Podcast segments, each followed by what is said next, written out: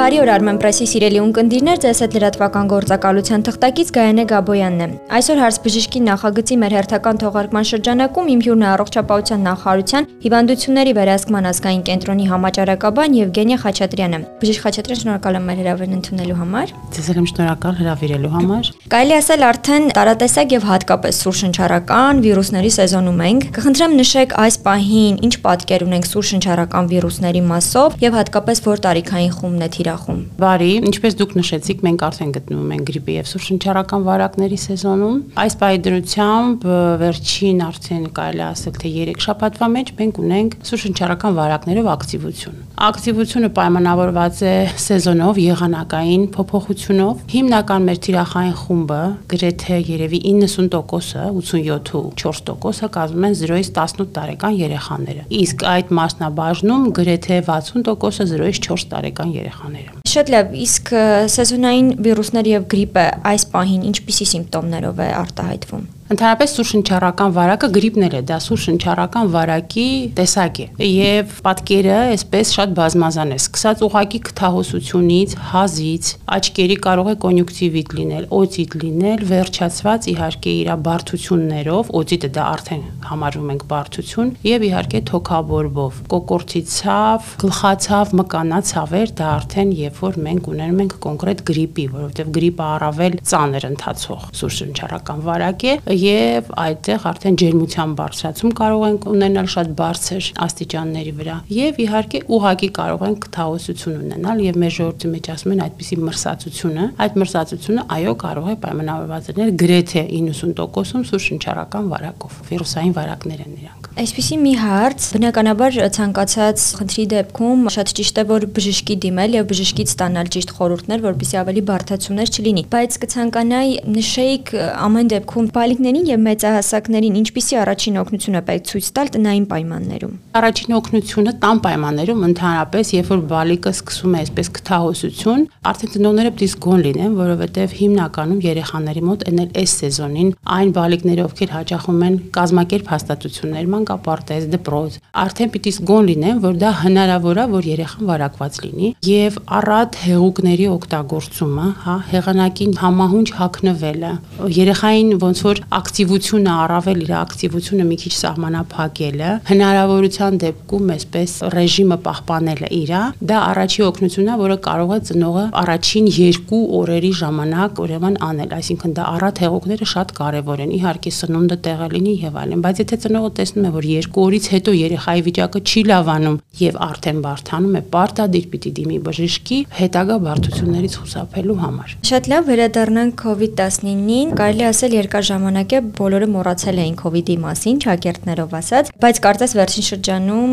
տարածվել է COVID-ի տարբեր ենթատեսակներ։ Այս մասով ինչ պատկեր ունենք Հայաստանում այսօր եւ ամբողջ աշխարհում, եթե ունենք տվյալներ։ Այո, COVID-ը դա նույն սուրշնչառական վարակն է, այսինքն նա էլ է սուրշնչառական վարակ եւ իր կլինիկական արտահայտումներով եւ դրսեւորումներով նույնն է։ Այո, մենք COVID-ով էլ եւս ունենք ակտիվություն։ Եթե խոսանք ենթատեսակների մասին, լաբորատոր հաստատված նմուշներից մենք ունենք օմիկրոն տեսակի ենթատեսակները, հա։ Այսպես եթե անվանումներով ասենք, դրանք կրակենն են, ակտուրուսն են, էրիսն են, բայց դրանք ենթատեսակներ են, որոնք որ ունեն ախտանշանները COVID-ին բնորոշ եւ սուրշնչառական վարակներին բնորոշ, որը որ ես ասեցի, իրանք շատ բազմազան են։ Եվ նաեւ ասեմ, այս պայդրությամբ մենք համաճարակամանական դիտարկման արդյունքում գրիպի վիրուսի շրջանառություն այս պահին ունենք, ունենք այլ շնչառական վարակների շրջանառություն, դրանք են ռինովիրուսը, ռեսպիրատոր սինցիցիալ վիրուսը, բոկա վիրուսը եւ իհարկե ինչպես ասացինք կորոնավիրուսային հիվանդության SARS-CoV-2 հարուցիչները։ Քանի որ մենք արդեն գրիպի սեզոնի մեջ ենք, գրիպի պատվաստանյութերը արկա են պոլիկլինիկաներում եւ կարող են յուրաքանչյուրը իր կցագրված պոլիկլինիկայում գնալ դիմել եւ իհարկե նաեւ եթե հարմար է որ ինքը աշխատանքից գնա այլ պոլիկլինիկա, դիմել եւ ստանալ իրենց պատվաստումները։ 6 ամսեկան սկսած երեխաները եւ մեծահասակները արդեն առավելապես 65 տարեկանից բարձր եւ այն անձինք, որոնք որ իհարկե իհարկե ունեն քրոնիկ հիվանդություններ, դա նաև երիտասարդ տարիքին ովքեր ունեն քրոնիկ հիվանդություններ եւս իրանց պարտադիր է, որովհետեւ նորից եմ ասում, գրիպը առավել ծանր ընթացող է եւ բարդությունները գրիպից առաջացող առավել ծանր են։ Իսկ տարվա մեջ մեկ անգամ պատվաստվել է բավական է։ Այո, տարվա մեջ մեկ անգամ են պատվաստում, ինչու, որովհետեւ յուրաքանչյուր տարի գրիպի շտամների, այսպես ասած, մուտացիա է ենթարկվում եւ այդ շտամերը փոփոխում են։ Եվ ԱՀԿ-ի կողմից, առողջապահության համաշխարհային կազմակերպության կողմից յուրաքանչյուր տարի այդ շտամների ոնց որ մշտադիտարկում է արվում եւ պատվաստանյութը մշակվում է այդ տարվա շտամերից ելնելով։ Դրա համար յուրաքանչյուր տարի պատվաստումը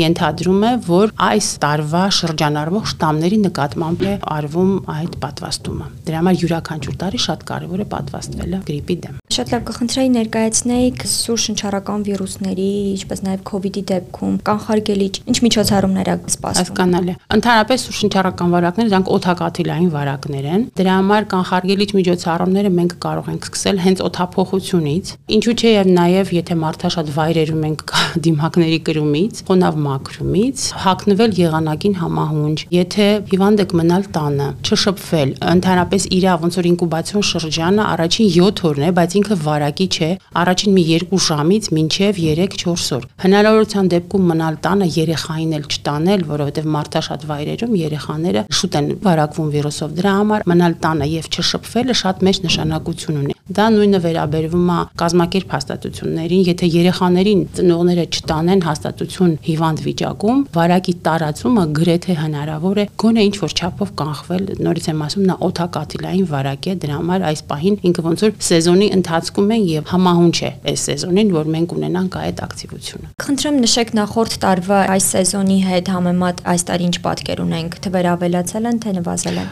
Նախորդ սեզոնի նույն ժամանակատվածի համեմատ մեր շնչառական վարակներով հիվանդացությունը 1 ու 2 անգամ ցածր է նախորդ տարվա հետ եւ մենք համաճարակային շեմից ցածր ենք եւս 1 ու 2 անգամ։ Իհարկե մեր մոտ ակտիվություն է, բայց մենք մշտադիտարկումը շարունակում ենք ժամանակին համապատասխան միջոցառումներ, կանխարգելիչ միջոցառումներ ձեռնարկելու համար։ Շատ լավ շնորհակալ եմ զրույցի համար։ Ձեզ եմ շնորհակալ։